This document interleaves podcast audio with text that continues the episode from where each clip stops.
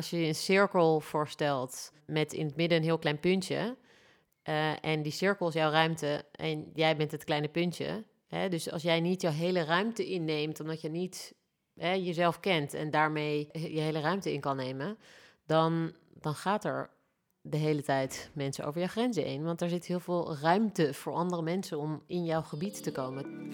Wij zijn Marije en Naomi en in Op Zoek nemen we je mee in onze zoektocht naar antwoord op levensvragen.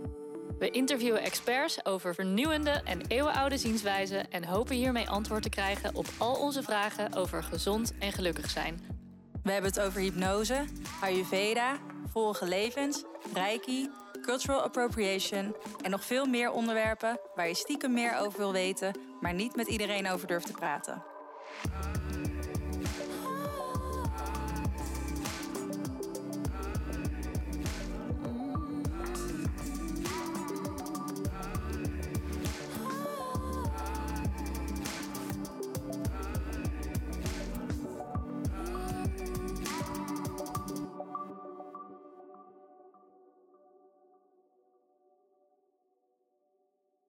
Hallo, fijn dat je weer luistert naar een nieuwe aflevering van Op Zoek. Het zijn een beetje gekke tijden, dus we zijn dankbaar dat je de tijd hebt genomen om naar onze podcast te luisteren. Mijn naam is Naomi En ik ben Marije. en we zijn gestart met Op Zoek omdat we deze gesprekken over spiritualiteit, persoonlijke ontwikkeling en gezondheid misten in het Nederlandse medialandschap. En jullie lieve luisteraars natuurlijk ook, dus it's a match. Superleuk dat jullie er zijn. In deze aflevering gaan we het hebben over de Big Burnout. Voor velen bekend en eh, voor ongeveer alle anderen zijn de symptomen wel bekend. Eh, en dat bespreken we met Marijke de Jong. Marijke is energy coach, life strategist en oprichter van My Rumia. En met My Rumia biedt ze trajecten en programma's aan waarin ze vrouwen helpt naar succes zonder stress. En dat is natuurlijk iets wat we allemaal willen. Dit doet Marijke niet vanuit Nederland, maar vanuit het altijd tropische Tahiti. En wij hadden het geluk dat we haar konden spreken toen ze even in Nederland was. We hebben met Marijke gehad over de dubbele burn-out die haar tot haar huidige werk als coach en healer heeft geleid. Hoe een burn-out ook vaak een awakening is, de signalen van een burn-out en natuurlijk hoe je hiervan herstelt. En Naomi en ik vertellen ook over onze eigen ervaringen hiermee. Eh, Ja, zoals we net al zeiden, het is natuurlijk een beetje een gekke tijd. Deze aflevering komt uit op 17 maart en we zitten nu midden in de intensiteit van het coronavirus.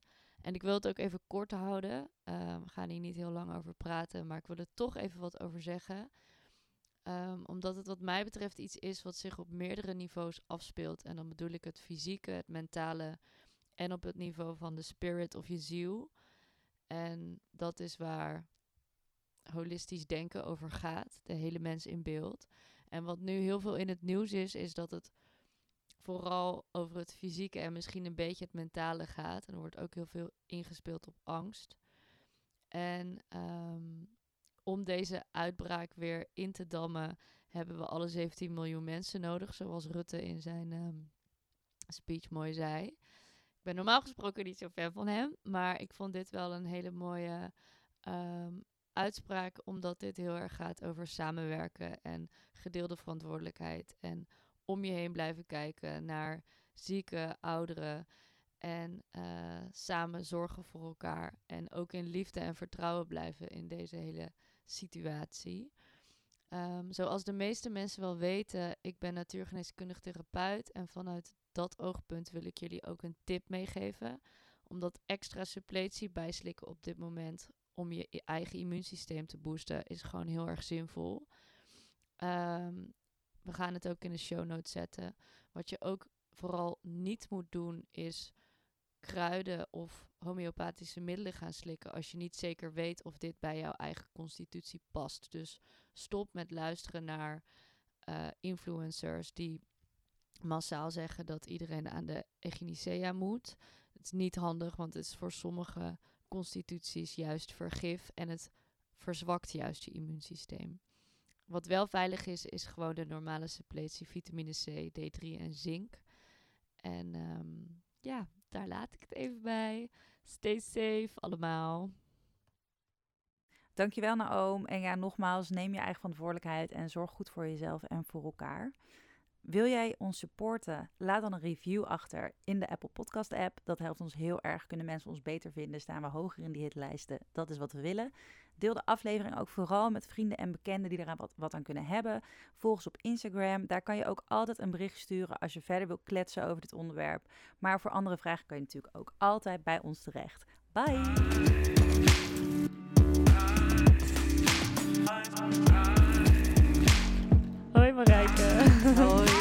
Leuk dat je er hoi, Marije. bent. Superleuk om hier te zijn. Thanks voor de uitnodiging.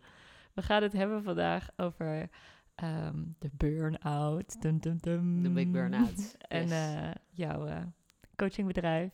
En dat je op Tahiti woont. Ja, Dus wil jij jezelf even voorstellen aan Ja, onze tuurlijk. luisteraars? tuurlijk. Ik ehm, ben Marijke, 33 jaar, ehm, woon inderdaad op Tahiti. Dat is iets wat ik nooit van mijn leven had verzonnen dat ik daar ooit zou gaan wonen. Maar daar woon ik nu sinds een half jaar en ik ehm, heb daar mijn eigen online coachingsbedrijf, run ik vanuit daar, waarin ik voornamelijk vrouwen op dit moment begeleid. Eigenlijk uit hun leven van stress, overwhelm of burn-out. Of eh, een plek van echt niet meer weten wat moet ik nu en waar moet ik nu heen. Niet weten hoe je verder moet. Naar eh, een plek van bliss noem ik dat. Dus eigenlijk van burn-out to bliss. En dat is eh, het allerleukste om te doen, vind ik. Dus dat is heerlijk. Marijke, wij kennen elkaar. eh, Ja. Omdat wij eh, allebei bij hetzelfde bedrijf hebben gewerkt. Wel een net andere tak, maar eh, daar hebben we elkaar leren kennen. En ik ben nou toch wel echt super benieuwd met wie en hoe jij op Tahiti woont. Ja, dat, nou, ik zei net al, dat had ik zelf ook net verwacht. Maar ik woon met mijn vriend. Die heb ik anderhalf jaar geleden ontmoet in de woestijn in Amerika. Nou ja, en toen stond ik dus in de woestijn van Amerika op een, ehm, eigenlijk een festival. Het is eigenlijk niet echt een festival, meer een social experiment, bijna Burning Man. Misschien hebben jullie daar ooit van gehoord. Zeker. Ehm, totaal niet op zoek naar iemand anders of naar een man of naar... Ik was gewoon helemaal daar met mijn vrienden, met mezelf in het moment. En toen kwam de zon op en toen zag ik ineens, eh, vijf meter verder, zag ik ineens mijn vriend, huidige vriend, dus Carl staan. En toen keek ik hem aan en toen had ik een heel bizar gevoel van... Ik ken jou al heel erg lang en ehm, hoe kan dit? En nou ja, toen vanuit daar is het eigenlijk verder gerold. En ehm, ja, toen kwamen we erachter, hij woont in Tahiti, ik woon in Nederland. Oeps, dat is wel heel ver. Maar toen ehm, ja, is hij hier een maand geweest, ben ik daar een keer een maand geweest, is hij hier weer een maand geweest. En toen hebben we besloten, eh, ik ga gewoon voor een tijdje daarheen. Want het was voor mij een heel duidelijk gevoel van weten, wij horen nu gewoon bij elkaar. Dus eh, daar kon ik niet echt onderuit. Wauw, dat is heel mooi. Als ik het me goed herinner, is dat moment dat je hem ontmoette ook een beetje het moment dat je eigenlijk hebt besloten om te stoppen met je corporate carrière en voor jezelf aan de slag te gaan, of niet? Eh, klopt, ja, dat klopt wel. Ik ben, ehm, ja, toen ik hem ontmoette, toen zat ik wel heel erg in dit proces. En toen was voor mij van binnen echt steeds duidelijker van... Iets in mij wil dit niet meer en wil iets anders en wil hetgene wat ik eigenlijk al, al tien jaar wil. Namelijk doen wat ik nu doe, mensen begeleiden op hun pad van groei. Ehm, maar hij is daar wel zeker een goede accelerator in geweest, ja. Toen we elkaar tegenkwamen, toen was het ook bijna alsof er was geen ruimte meer voor ruis en voor dingen die niet klopten bij wie ik ben en wie hij was. Dus dat was wel zeker een goede versnelling ja, in het hele geheel. Heel mooi. Want zou je iets meer kunnen vertellen over ehm, ja, jouw eigen pad tot Ja. nu? Ja, zeker. Ehm, nou ja, wat ik net al zei, nu begeleid ik dus vrouwen uit een burn-out, uit een stress naar een leven van bliss. En de reden dat ik dat, een van de redenen dat ik dat het allerleukst vind om te doen, is omdat ik eh, weet hoe het zelf is om in een burn-out te zitten. Ehm, dat heb ik twee keer eh, ervaren. Eén keer ehm, heel erg onder de radar en heel erg verstopt. En, en de tweede keer was het gewoon heel duidelijk. Kon ik niet meer uit mijn bed komen, dus kon ik ook niet meer naar mijn werk. Kon ik het ook niet meer verstoppen. Ehm, en ik denk dat ik eigenlijk al heel lang heb geweten, eh, vanaf het begin dat ik ging werken, dat ik dit wilde doen. Dat ik in mijn vaten, zeg maar, een coach en een healer ben. Ik hou niet zo van het woord healer, want ik geloof dat mensen zichzelf healen. Maar met energie werken, met mensen werken, eh, dat dat is wie ik ben. Ehm, maar ik, had toch ergens nog het nodig om eh, bijna tien jaar aan de wereld te gaan bewijzen dat ik ook alle andere dingen kon. En dat ik heel succesvol kon worden. En dat ik een huis kon kopen. En dat ik kon meedoen in de corporate wereld. Totdat mijn lichaam dus op een gegeven moment zei: Nee, dit wil je eigenlijk niet. Dus nu druk ik op heel hard op de stopknop. En je, je had het net over het verstoppen, een, verstopte burn-out, zeg maar. Dus iets wat je, wat je niet laat zien. Hoe deed je dat? Ja, ik was uh, eigenlijk altijd extreem goed in een lach opzetten. En uh, heel erg goed dat zelfs mensen die heel dicht bij mij stonden... niet goed konden aanvoelen als het niet goed met mij ging. En daar was ik dus ook, uh, in mijn eerste baan was, was ik daar heel goed in. En was ik zo ver mezelf voorbij aan het rennen, mijn grenzen over aan het gaan, helemaal kapot. En heb ik op een gegeven moment ontslag genomen, omdat ik wel toen nog ergens het innerlijke weten had van dit is niet meer voor mij, ik moet hier stoppen en het is hier ook geen gezonde situatie voor mij. Alleen toen ben ik dus gestopt, ik ben eruit gestapt, terwijl ik eigenlijk ook hartstikke burn-out was. En toen ben ik een paar weken in mijn bed gaan liggen en gedacht ik ga op reis en dan komt het wel weer goed. Uh, maar toen ben ik eigenlijk aan mijn nieuwe baan begonnen, terwijl ik nog helemaal niet hersteld was. En toen ben ik uh, een nieuwe baan ingegaan, waarin ik eigenlijk hetzelfde riedeltje nog een keer ben gaan herhalen. Dus weer een consultant.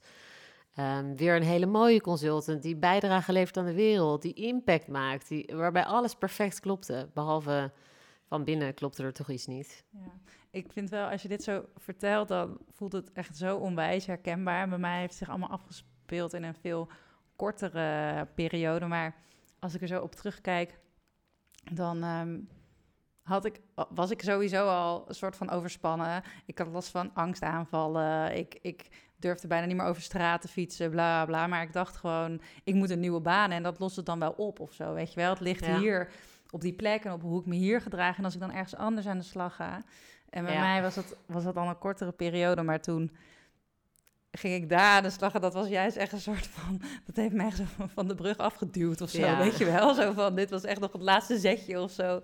dat er, uh, dat er nodig was. Ja. En het is heel, heel bizar, omdat ik ook nog heel erg herinner... dat ik me juist dan nog meer wilde gaan bewijzen... op die tweede plek... dan dat ik dat al wilde op die eerste plek. Ja, dan doet het meeste ook nog meer pijn, hè? Omdat je, tenminste, dat, dat had ik en dat zie ik bij eigenlijk bijna al mijn klanten waarbij iedereen wel een tweede of een derde loopje maakt. Hè. Soms is het maar een week, soms is het vijf jaar. Maar um, dat je dan op een plek komt waarvan je jezelf nog meer eigenlijk gaat neerstabelen van... hé, hey, ben ik hier nu weer? Maak ik nu weer dezelfde fout? Ga ik nu weer over mijn grenzen? En dat, is, dat weten we allemaal, maar dat is toch iets wat je alleen in jezelf kan oplossen. En als je dat niet doet, als je denkt dat het op een volgende plek weer anders zal zijn...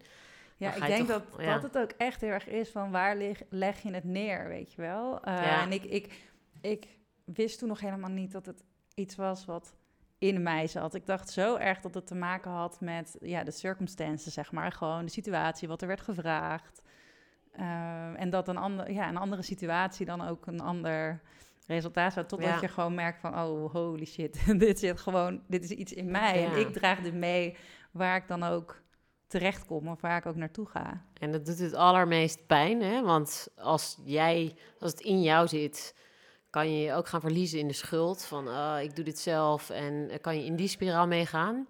De keerzijde daarvan is, het is moeilijk om te accepteren dat het niet jouw basisschuld is, maar dat jij zelf het in de hand hebt. Maar dat maakt ook dat jij het zelf in de hand hebt en dat je er dus zelf iets aan kan doen en dat je zelf kan helen en dat je zelf dus niet weer in dezelfde situatie uit hoeft te komen. Dus het is, doet even pijn, maar het maakt ook heel krachtig ja, als je ja. dat beseft. Ja, ook heel mooi hoe je zegt van um, dat mensen dicht bij jou het ook niet zagen. Die herken ik ook heel erg. Ik had ook een soort verstopte burn-out. En dat echt op een gegeven moment vriendinnetjes langskwamen. En ik de volgende dag een ander vriendinnetje huilend opbelde van... Uh, oh, ik ben zo moe. En zei, ja, wat heb je gisteren gedaan dan? En toen, ja, die en die waren langs. En toen zei zij van, nou, oom, je moet echt kappen hiermee. Want ik weet ja. hoe jij bent. En je hebt waarschijnlijk ook alleen maar lopen geven gisteravond. Um, Terwijl ik echt zo apathisch op de bank lag, wallen onder mijn ogen. Weet je, het was gewoon heel, het was echt helemaal op eigenlijk. Ja. En dan toch nog ergens een soort energie van aanhalen, want oh, zij hebben het meer nodig of zo. Ja. ja. Tot het niet meer kon.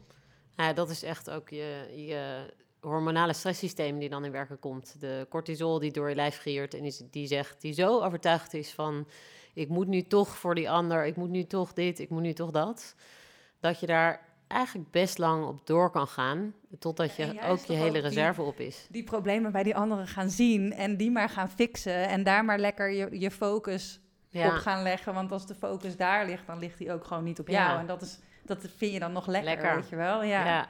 de wereld en andere mensen redden, niet doorhebbende dat het eigenlijk bij jouzelf ligt. Ja, Maar hoe zie jij dan... Ik vind eigenlijk het woord burn-out, het klopt natuurlijk ook eh, ehm, helemaal met wat er dan gebeurt. Het lampje gaat letterlijk uit, dat heb ik ook zo ervaren.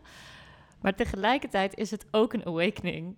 totaal, totaal. Ja, Ja. En dat hoor je eigenlijk bijna altijd terug. ja Na dat- mijn burn-out ben ik... precies. En dankzij, me- als ik mijn burn-out niet had gehad, zat ik nu nog hè, eh, te doen alsof ik iemand anders was dan die ik eigenlijk ben. Is totaal waar. Hoe heb je dat zelf ervaren? Eh, nou, bij mij deed hij wel even extra pijn, want ik was al vrij stevig wakker geworden, zeg ik maar even, best een aantal jaar daarvoor. Ik had al heel veel werk aan mezelf gedaan, veel healing, zelfinzicht, mijn eigen patronen. Alleen, ik denk dat ik daar net niet op een diep genoeg level dingen had aangekeken, om het zo maar even te zeggen. Waardoor toen mijn lichaam dus zei stop, toen duurde het bij mij echt- even voordat ik dat helemaal kon omarmen en accepteren. En dat blijft altijd level 1 om te helen. Je moet toch eerst accepteren wat er aan de hand is. Maar ik zat best nog wel even in de... Hoe kan dit nu? Weet je, ik ken mezelf zo goed. Ik heb zoveel al gedaan aan mezelf. Eh, nou, daar moest ik nog even, even doorheen. Ik vond je ook altijd al een hele soort van wijze, rustige, gegronde vibe of zo om je heen Ja. hebben. Ja, nou, dat, dat, dat is lief dat je het zegt. En dat is... Zo kan ik me ook echt voelen. Ehm, maar het kan, ook, het kan ook mijn gevaar zijn. Dat heb ik pas heel laat begrepen.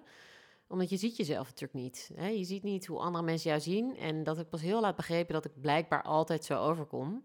Ook als ik van binnen stress voel, dan staat dat niet op mijn hoofd geschreven. Dus dat, ehm, ja, dat, dat Ja, dus kan soms ook gevaarlijk zijn. Extra goed op jezelf letten. Ik moet extra goed op mezelf letten. En ik moet voor mijn eigen gevoel moet ik een enorm grote rode vlag buiten hangen. Hè, naar andere mensen toe. Om echt mijn grenzen aan te geven. Om echt te zeggen, ik voel me nu zo. Terwijl ik eigenlijk al denk, ik zeg het heel duidelijk. Is het voor andere mensen eigenlijk nog maar een heel klein beetje. Omdat ze denken, oh, maar die ziet er heel rustig uit. Niks aan de hand. voor praten gewoon. Ja? ja, echt heel Ja. erg. Ja, ik moet echt... eh, hallo! Deze vrouw van 1,80. Nu gaat het even met mij niet goed. Ja. Help! en dan denken we oh, oké. Ja. Maar ook mooi dat jij eerst psychologie hebt gestudeerd. Ja. En ja, nu heb je gewoon je niche in eh vrouwencoachen met van burn-out to bliss. Dus misschien ergens moest je het ook meemaken om Ik denk het, ja. Ik denk doen. het. En zo kan ik zeker, dus de tweede keer, kan ik nu ook echt zo zien. Ja. Van, eh, en ik had ook een vriendin van mij die, die zei het heel mooi tegen mij toen ik daar dus net in zat. Toen ik dus nog in de zelfkastijding zat van hoe, hoe gebeurt me dit nu weer. Die vertelde dat een vriendin van haar kanker had, met kinderen, et cetera. Toen helemaal schoon, leven weer helemaal from scratch opgebouwd. En toen kreeg ze nog een tweede keer kanker. En toen, eh, toen heeft ze heel erg eigenlijk beseft bij zichzelf... Oké, ik heb nu een keuze. Of ik ga voor het, het pad, het verhaal in mijn hoofd kiezen van... ik krijg het nu weer en dit is het allerergste wat me kan overkomen. Of ik kan voor het pad kiezen... dit overkomt me omdat ik gewoon nog een keer... nu met alle zachtheid naar mezelf... met alle liefde gewoon dit ga helen. En ga zorgen dat ik hier weer uitkom. Niet op een forcerende manier, maar op een, op een manier volledig met liefde naar mezelf. En dan kom ik hier gewoon uit. En die is, die is daar inderdaad uitgekomen. Maar toen zij me dat verhaal vertelde, toen ik dus die tweede keer erin zat... toen dacht ik, fuck, je hebt gelijk. Ik kan nu of kiezen in, in mijn slachtofferverhaal te gaan... of ik kan in het verhaal gaan van... oké, er is een reden dat ik dit nu weer meemaak... Ik kende mezelf inderdaad al. Het is me al een keer gebeurd. Maar hoe kan ik nu hier met zoveel mogelijk liefde voor mezelf ehm, eigenlijk door de burn-out een volgende stap maken. In plaats van eh, de slachtoffer eh, story in mijn hoofd aan te nemen. ja. En hoe zag dat, eh, dat herstelproces, om het zo dan maar even te noemen, er dan uit? Ja, ehm, nou eerst dus accepteren. Accepteer, echt accepteren en vanuit het is oké, weet je, het is voor een reden. ehm, daar eerst doorheen gaan en lichaam, rust geven. Vaak heeft het ook als je echt heel diep in een burn-out zit, heeft het niet zoveel zin om meteen helemaal in je psyche te gaan. En dat was wel mijn eerste neiging, omdat ik daar al heel veel van wist. Maar je lichaam heeft gewoon op alle hand, ha- noodremmen gedrukt. Dus je moet gewoon eerst luisteren naar je lichaam. Want je bent ook het contact met je lichaam verloren. Dus dat was voor mij heel veel rust. Dus wel heel veel slapen, maar ook niet oeverloos hoeveelheden slaap. Maar routine in mijn dag, veel naar buiten. Ehm, niet alleen maar de hele tijd alleen zijn. Niet alleen maar de hele tijd met mensen zijn. Daar een goede balans in vinden. En allerbelangrijkste van alles, het niet alleen doen. Hulp, eh, niet alleen accepteren, maar vragen eh, zoeken die goed bij mij pasten. Die werkten. En dat, eh, ja, die drie dingen gecombineerd. plus natuurlijk heel veel steun van lieve mensen om me heen, vrienden, familie. Dat, dat is goud waard geweest, ja.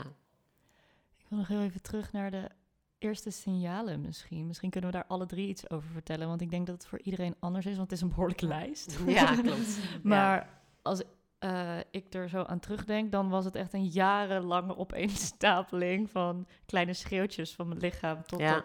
echt een keer letterlijk het lampje uitging. Eh, wil jij beginnen? Ja, Ja. zeker.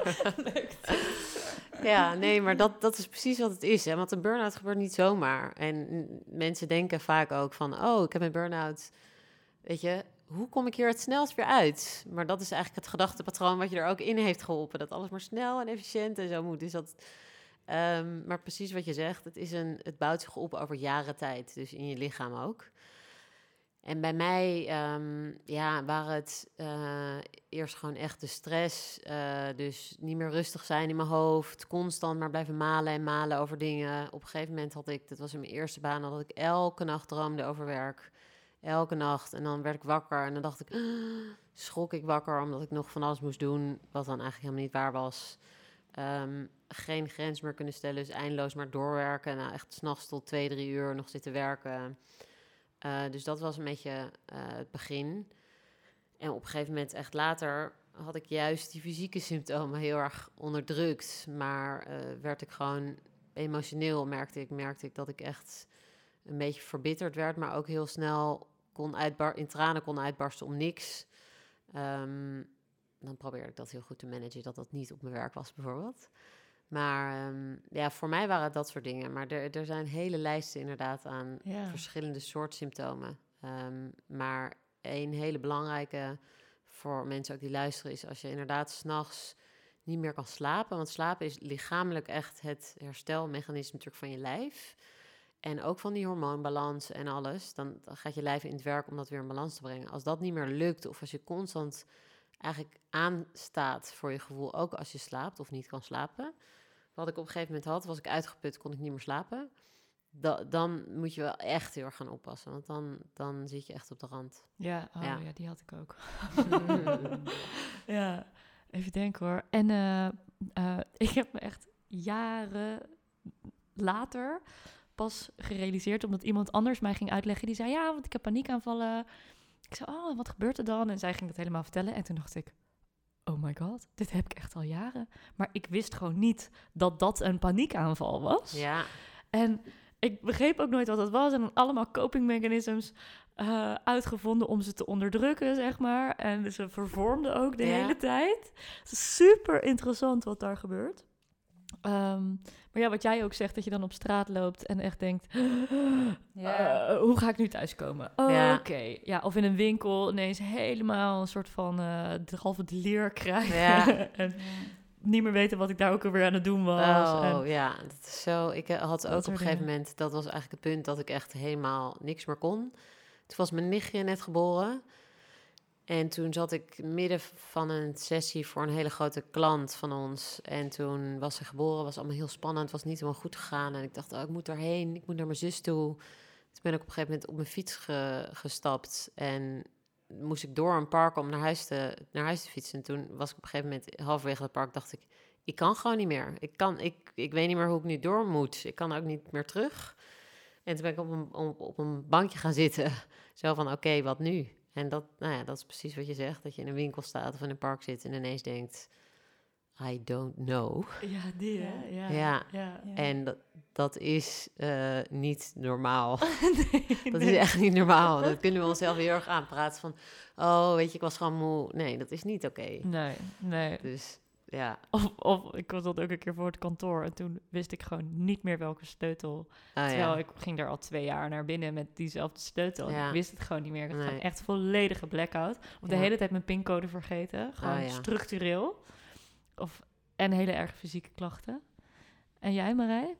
Ja, ik zit nu te denken, ik vind het een beetje lastig, omdat ik heb eigenlijk vanaf mijn vijftiende heb ik paniekaanvallen gehad. Alleen het werd nooit paniekaanval ook genoemd. En ehm, het werd toen op een gegeven moment was het wel van dat het hyperventilatie was. En weet ik nog dat ik 16 was en dat toen de huisarts zei, oh dan moet je maar antidepressiva gaan slikken. En dat ik toen dacht, ik ga er nu echt voor zorgen dat niemand ooit meer ziet dat ik dit heb. Want ik dacht van no fucking way natuurlijk. Dus toen ben ik het dus heel erg gaan proberen ook om te verbergen. Dat ik die paniek of angstaanvallen had. Eh, wat echt super goed is gegaan. Dus mijn hele studententijd is dat gelukt. Alleen heel soms in een hele drukke kroeg dat ik gewoon merkte, ik word niet goed, ik word niet goed. En dan ging ik gewoon naar buiten en dan wisten mijn vrienden een soort van, oh, Marije heeft weer een soort van aanval. Maar er werd niet echt een naam aan gegeven. Ja. Eh, totdat ik op een gegeven moment dus niet meer kon slapen, omdat ik gewoon niet meer uit die staat, uit die angst slash paniekaanvalstaat kwam. En toen dacht ik, nu moet ik naar de huisarts, want Ja. Anders word ik gek eigenlijk, basically. Een soort van, ja, ik weet niet, ik merk dat ik het best wel heftig vind ook om over te praten of zo, omdat ik dat nooit echt zo doe. Tuurlijk. Maar toen, en toen heeft een psycholoog mij heel erg geholpen met eh, stoppen met paniekaanvallen krijgen. Maar eh, zij heeft de reden waardoor, waarom ik die kreeg of zo, is gewoon compleet unaddressed gelaten. En als ik haar vertelde van, joh, ik, heb, ik zit ook, ik, ik raakte ook wel lichtelijk depressief, zeg maar, in die periode. En toen zei ik, joh, ik vraag me soms ook wel af waarom we hier zijn als mensen, bla bla bla. En haar reactie was toen, oh, jij had echt filosofie moeten studeren of zo. en toen dacht ik echt van, Ja. oké, never mind, ik ben hier niet op de juiste plek. Maar toen was ik ook heel blij, van ik heb die paniekaanvallen onder controle, bla Ja. bla bla bla. En toen ben ik dus nog gewoon er, er van baan gewisseld, ergens anders gaan werken, bla bla bla. En dacht ik helemaal van, oh, ik kan mijn stress zo goed managen, weet je wel. Ik heb Ja, ja, helemaal ja, ja, verteld ja. dat ik daar heel goed in was geworden. Eh, totdat het op een gegeven moment echt zo fysiek werd dat eh, ik mijn handen niet meer kon bewegen. Dus ik kon niet meer typen, zeg maar. En ehm, ik kreeg eh, oorontstekingen, dat soort dingen. En toen zei een vriendin, oké, dit is voor een lang verhaal, sorry, maar dan hebben we hem helemaal gehad. Ehm, van, hey joh, ik ga eh, via OneFit naar een soort van eh, leven zonder stress event ergens. Ga je mee? Dus ik dacht zo, oh, stress interessant. Ja, ik heb er zelf niet meer zoveel last van, ik ga je mee. en toen kwam ik daar en toen ging die meneer, wat een ehm, eh, Chinese geneeskunde arts was, Ja. eh, die ging toen vertellen van wat is stress nou op allemaal op verschillende niveaus. Dus zeg maar lichamelijk, emotioneel, spiritueel, bla bla. bla. En ik zat daar te luisteren en ik dacht echt, oh mijn fucking god. Dit ben ik. Dit ben ik. Hoe heb ik zo tering blind kunnen? Maar echt, ik wilde het niet zien.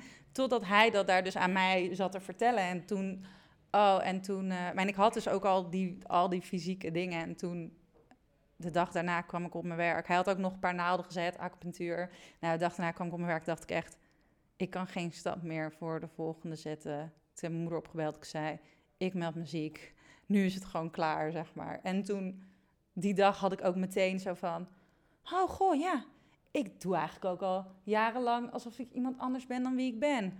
Oh, interesting. Oké, laten we nu maar eventjes dit hele ding gaan doen. Weet je wel? Zo, nou, dat is.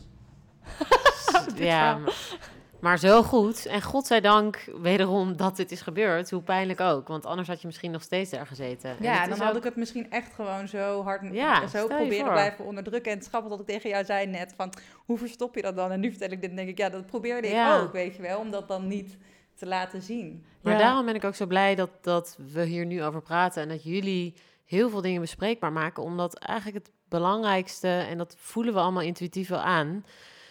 Onderdrukking en schaamte is eigenlijk de, de laagste frequentie, zeg maar, eh, waar je in kan leven. Dus de, de meest onderdrukkende, depressieve ehm, vibe waar je in kan zijn. En vaak is het alleen al het schaamte loslaten en het dus openen.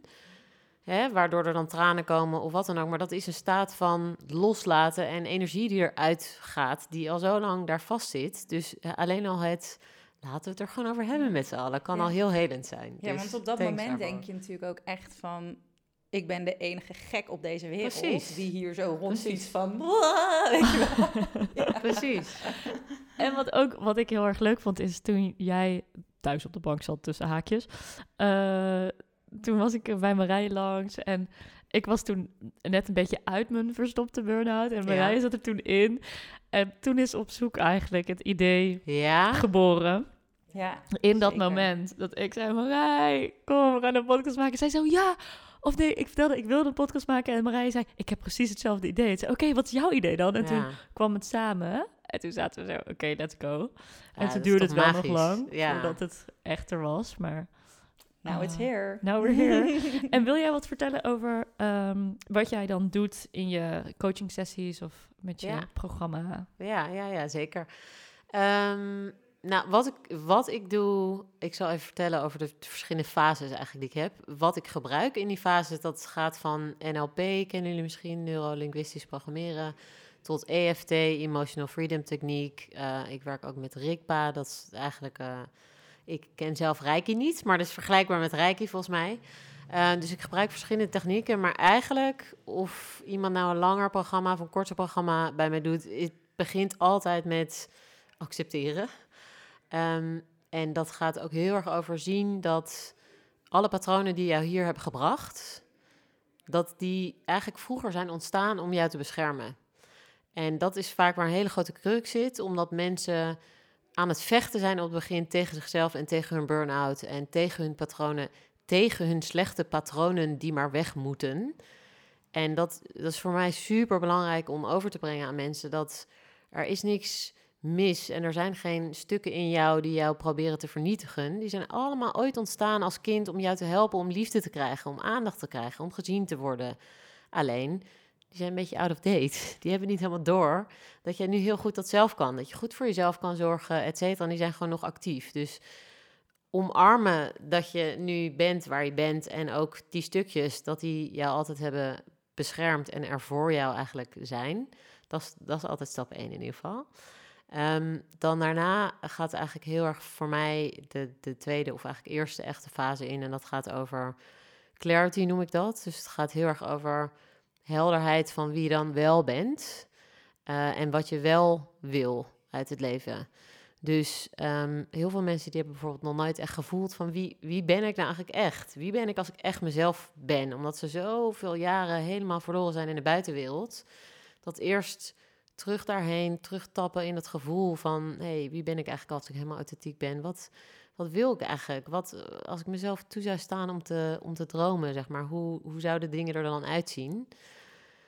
En dan ga je daarna naar een, een fase die ik clearing noem. En dat gaat eigenlijk naar...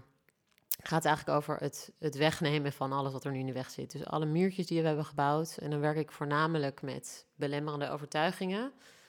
Dus ik weet niet of dat jullie luisteraars daar, daar veel van weten. Maar nou ja, eigenlijk eh, bestaat ons onderbewuste uit een heel bad van, van overtuigingen die positief, neutraal of negatief kunnen zijn.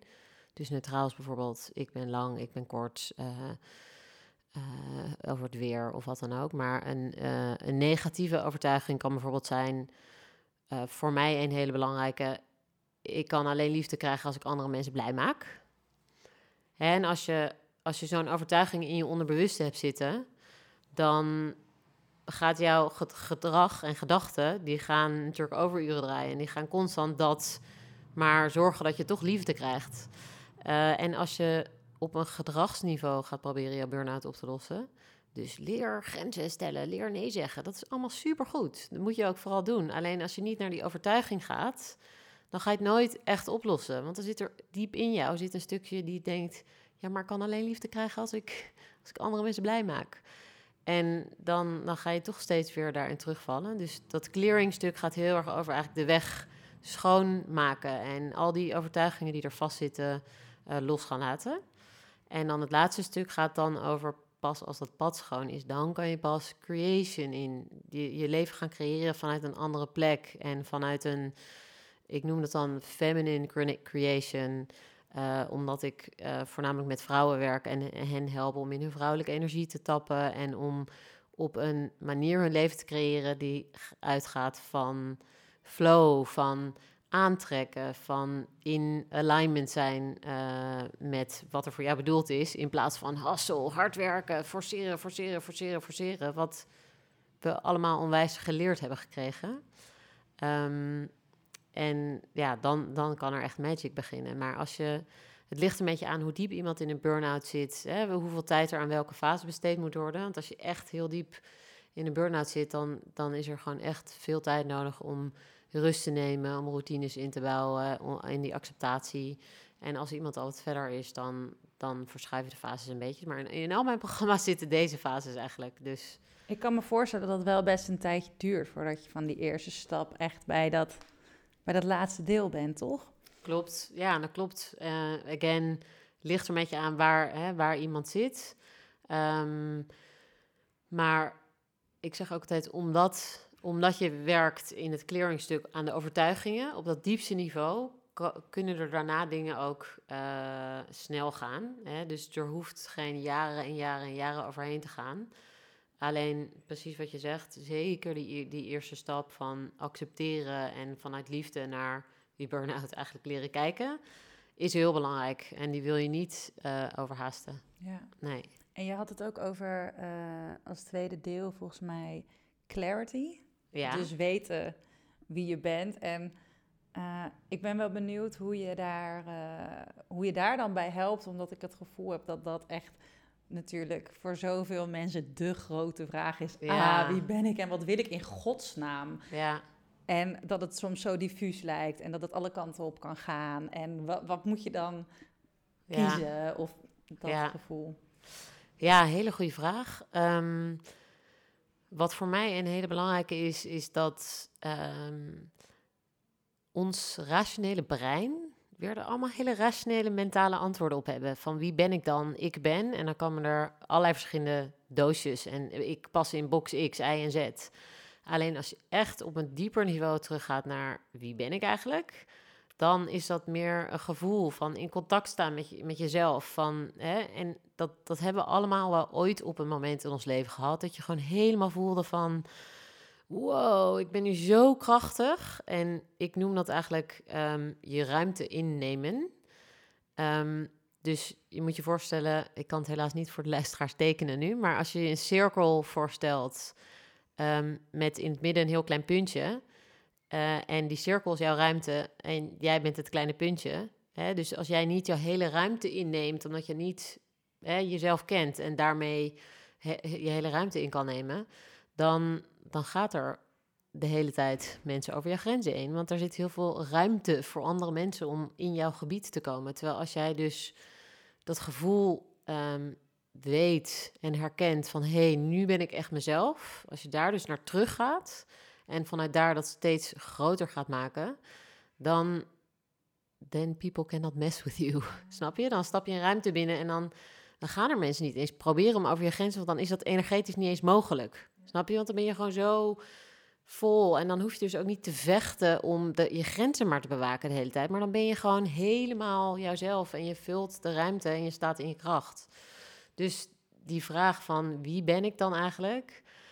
Om die te kunnen beantwoorden moet je uit je hoofd gaan en moet je naar je hart zakken en moet je dus leren voelen en teruggaan naar momenten dat je echt in je kracht hebt gestaan. En dan denk je ineens, oh ja, dat ben ik. En dan kan je er misschien niet direct labels op plakken. Kan soms ook wel, maar eh, dat doet er niet toe. Het gaat om dat gevoel. En vanuit daar kan het weer gaan groeien, dat gevoel. Ja. Jij zegt, eh, ik krijg heel vaak de vraag, eh, ja, maar hoe doe ik dat dan? Voelen. Ja. Wat is jouw antwoord daarop?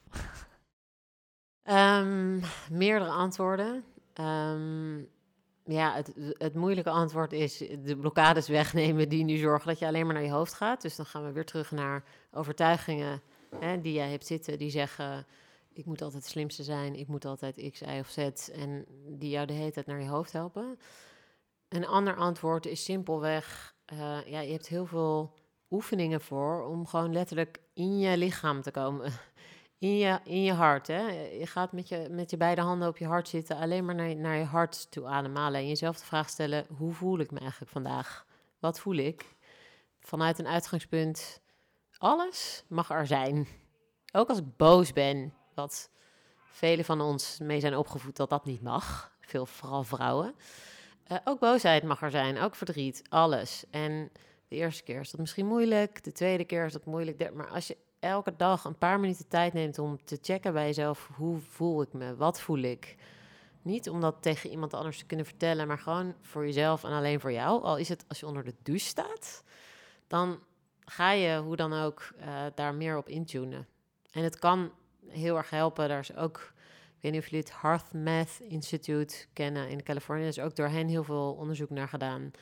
En alleen al je beide handen op je hart leggen, waar gewoon een heel sterk, krachtig, energetisch veld zit. Uh, bij wijze van als je onder de douche staat elke dag. Dat alleen al kan helpen dat je energie meer van je hoofd naar je hart gaat. Dus er zijn duizenden manieren voor, maar dit is even een korte... Ja, leuk. Ja, leuk dat jij vertelde over uh, want dat is inderdaad lijkt gewoon heel erg op Ja. En um, iedere dag je handen op je thymus uh, leggen, dus of richtbouw of reiki geven, dan uh, is ook bewezen dat die energie rondom de thymus weer helemaal uh, terug kan groeien eigenlijk. Want als je wordt geboren is het zo groot als een kindervuisje. Wat is de thymus voor de De thymus is een hormoonklier ter hoogte van je ja, um, borstbeen eigenlijk. Dus als je op je borst klopt. Tussen je hart en je keelchakra voor de mensen die daar iets van weten. je vingers of zo boven je tepellijn. Um, maar als je dus geboren wordt, dan is het dus een klein uh, vuistje. En zodra je in puberteit komt, dan is het een ertje geworden, die hormoonklier. Oh joh, oh, dat wist ik niet eens. En er zijn verhalen dat indianenstammen, als ze ouder zijn, dat de thymus gewoon nog intact is, zeg maar. Maar in het westen wordt het dus een hele kleine ert. Ja. Ja, en met die energy healing kan je dat dus weer um, vol maken. Precies, eigenlijk. Ja. ja. ja. Maar leuk dat je dat vertelt, dat er nu ook inderdaad wetenschappers zijn die dat dan kunnen aantonen. Ja, en dat is toch zeker voor mensen die dus niet kunnen voelen. It was me before. Uh, dat zijn vaak de mensen die dus zo erg in hun hoofd zitten dat ze ook dit soort dingen heel erg helpen voor hen. Hè? Dat het ook op een hoofdniveau ook uit te leggen is en ook verklaarbaar is.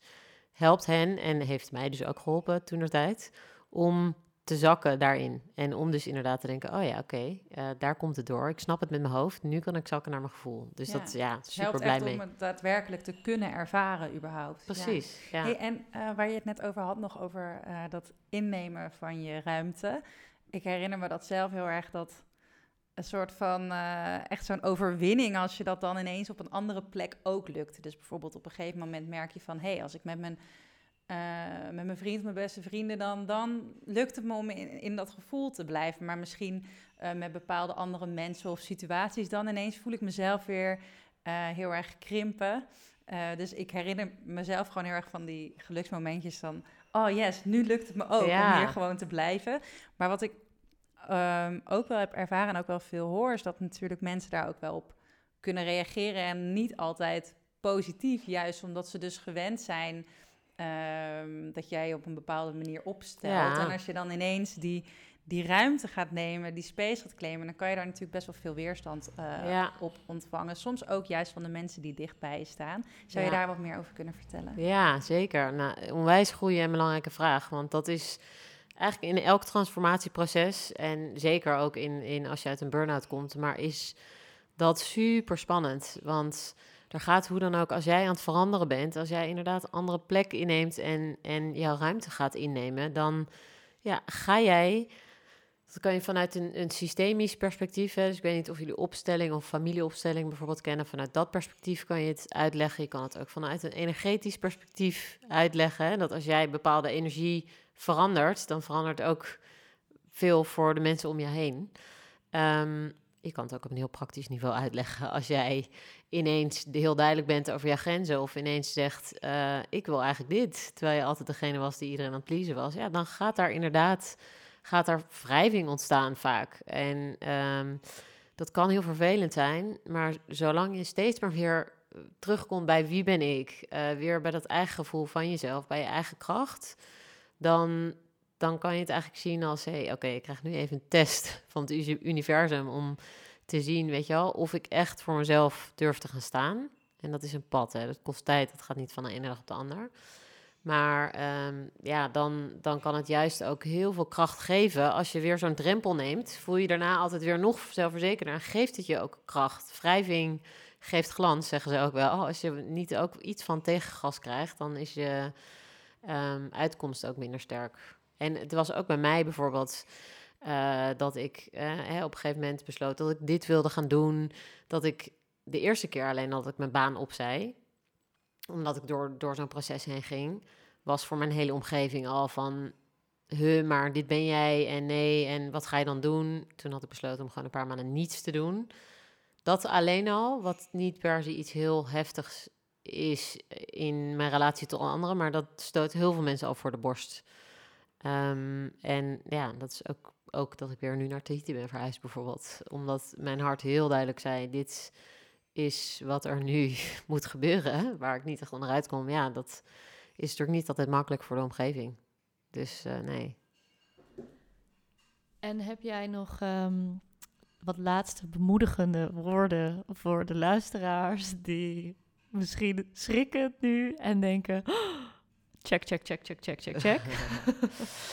ja, uh, nou, ik zou het liefst er nog uren over door willen praten. Dus, dus uh, sowieso weet me te vinden als je er verder over wil kletsen. Want mijn droom en missie is heel erg gewoon om te zorgen dat wij niet meer deze gekte leven die we nu leven. Dat we, daar zijn we niet voor bedoeld. Het hoeft echt niet moeilijk te zijn. En volgens mij zijn ook, uh, is heel erg de vrouwelijke kant, dus daarom vind ik het heel leuk om met vrouwen te werken, is die we nu missen. Dus de energie van zijn, van ontvangen, van reflecteren en niet alleen maar doen, doen, doen constant. Dus ik kan er uren over praten, dus zoek me vooral op. Wat ik zou willen meegeven vooral is, um, weet je, blijf, blijf bij jezelf. En weet, dit gebeurt jou om een reden. Het is, niet, het is geen toeval en je bent geen slachtoffer. Je hebt misschien hele, hele moeilijke mensen om je heen die heel erg je onder druk zetten constant of waar je het heel moeilijk mee hebt. Maar dat is voor een reden. En dit is om jou te helpen om wakker te worden naar jezelf, om jou sterker te maken. En uh, het hoeft echt niet moeilijk te zijn. Het leven hoeft echt niet moeilijk te zijn. Dat, dat is echt magisch als je er op een gegeven moment op die plek bent. En dus vertrouw op jezelf. Zoek alsjeblieft hulp. Ook al denk je, oh, ik ben overspannen, maar nog niet burn-out. Perfect, doe het nou. Want het kan echt. Nou, je, hebt mij gehoord. Ik heb twee keer hetzelfde loopje opnieuw gedaan. Dat is echt niet fun. Dus laat het niet zo ver komen.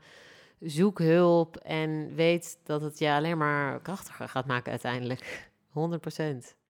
Uh, ja, nou, mijn bedrijf heet MyRomia. Uh, dat is een Polynesische, Polynesische naam, vandaar de gekke naam. Maar MyRomia, dus dat myromia.com is mijn website.